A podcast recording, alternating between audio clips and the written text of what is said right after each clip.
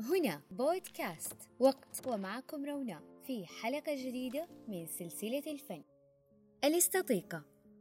الفن والجمال بعين الفلسفة.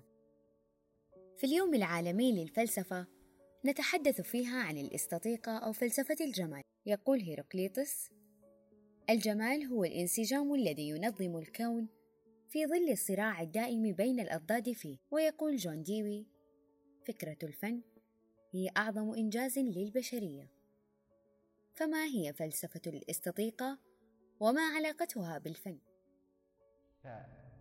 هذه النزعة النقدية تقرب الأفكار الجمالية للمتلقي وبالتالي تسهم في تطوير الذوق الجمالي الذي يتيح استيعاب الفنون وتلك هي الاستطيقا علم الجمال هو علم حديث النشأة. عرفه الفيلسوف ألكسندر بومغارتن بأنه علم التعرف على الأشياء من خلال الحواس. وأطلق على لفظ الاستطيقا aesthetics الجمال موجود حولنا في جميع التفاصيل وهو مسألة فطرية في النفس تميل لكل ما هو جميل ولا خلاف على ذلك. والجمال ليس فقط ما ندركه بحواسنا بل ما يلامس أرواحنا. والحكم عليه يختلف بحسب عدة عوامل. منها ثقافة الفرد والقيم الأخلاقية في المجتمع والآراء الفكرية وأيضا الرغبة والعاطفة. فعندما نقيم الطبيعة مثلا لا نعتمد فقط على المنظر الجميل الذي نراه. بل على الإحساس بالراحة والسكون الذي يرافقنا. والفن يلتقي مع الجمال في هذه النقطة فهو يحقق للإنسان اللذة الحسية والروحية. فتمثل الموسيقى مثلا أصعب مشكلات الفلسفة مع الفنون. فكون النص يعبر عن حالة حزن مثلا هو أمر طبيعي لكن كيف يكون لمقطوعة موسيقية بدون أي كلمات؟ أن تنقل هذا التعبير العاطفي. ورغم أن الإنسان اهتم بالفنون منذ القدم إلا أنه لم يدرسها فلسفيا إلا متاخرا من خلال علم الجمال. فالفن في جوهره هو تعبير الإنسان عن ذاته تعبيرا جماليا. لكن متى نقول عن الشيء أنه جميل؟ ولماذا يميل الإنسان للجمال؟ وهل هناك شيء جميل بذاته؟ هل توجد معايير ثابتة للحكم على الجمال؟ وما قيمة الفنون أصلا؟ أسئلة كهذه كانت الأساس لفلسفة الجمال والفن. يعتقد الفيلسوف إيمانويل كانت أن القضية الجمالية قضية ذوقية مرهونة باللذة والألم. فالشيء الجميل يجب أن نراه جميلا بدون أي نفع خارجي. فلا يمكن أن يكون هناك غير المعيار الذاتي رغم أن أحكام الذوق أيضا تتسم بالحس المشترك بين البشر. كما يبدو الأمر مشابها عند جورجياس الذي يؤكد دور الفن في التأثير على إحساس الإنسان وترتبط القيم الجمالية عنده باللذة الحسية. وهذا ما يجده سقراط نوعا من التدهور الفني الأخلاقي. فسقراط يحكم على الفن بمعيار أخلاقي وليس بمعيار اللذة الذي يفصل بين الخير والجمال. فيرى أن للفن وظيفة أخلاقية تخدم الحياة الإنسانية والحكم على الجمال يكون بتحقيقه هذه الغاية الأخلاقية العليا. أما جون ديوي والذي يعتبر من أهم المساهمين في فلسفة الجمال فيربط الفن بالتجربة.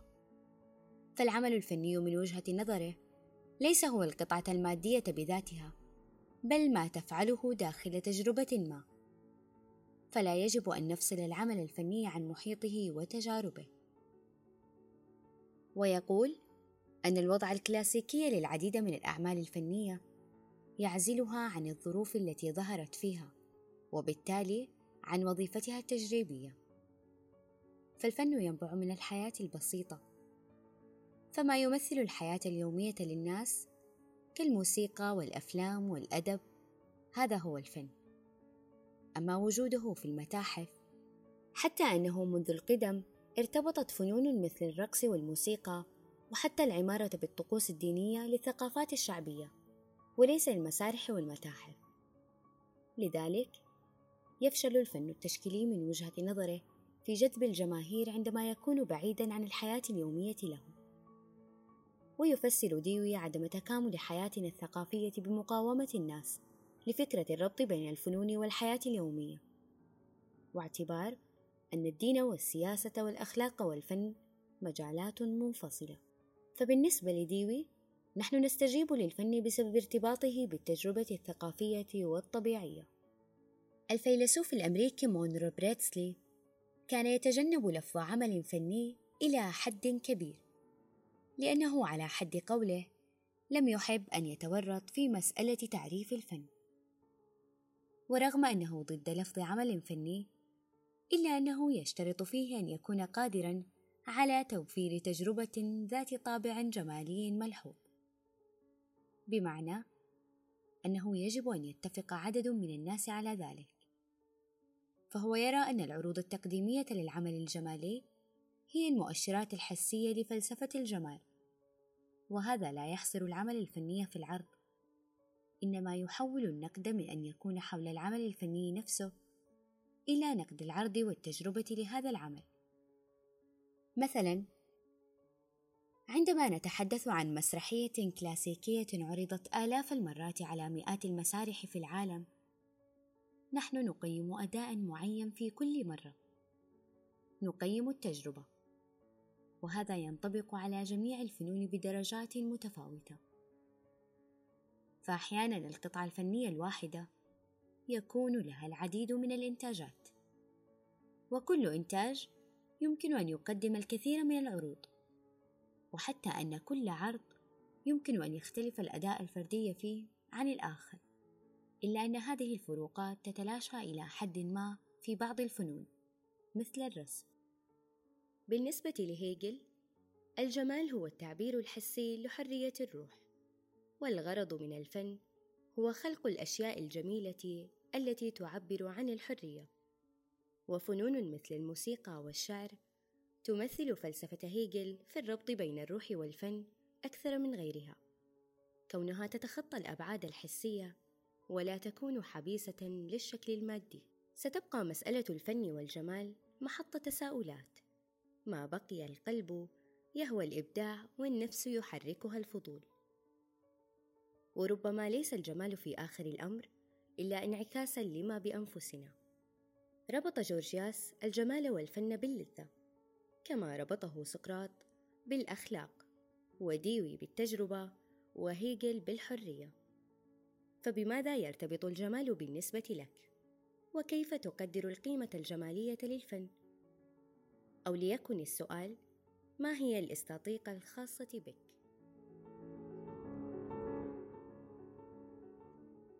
وفي الختام نسعد بآرائكم وتقييمكم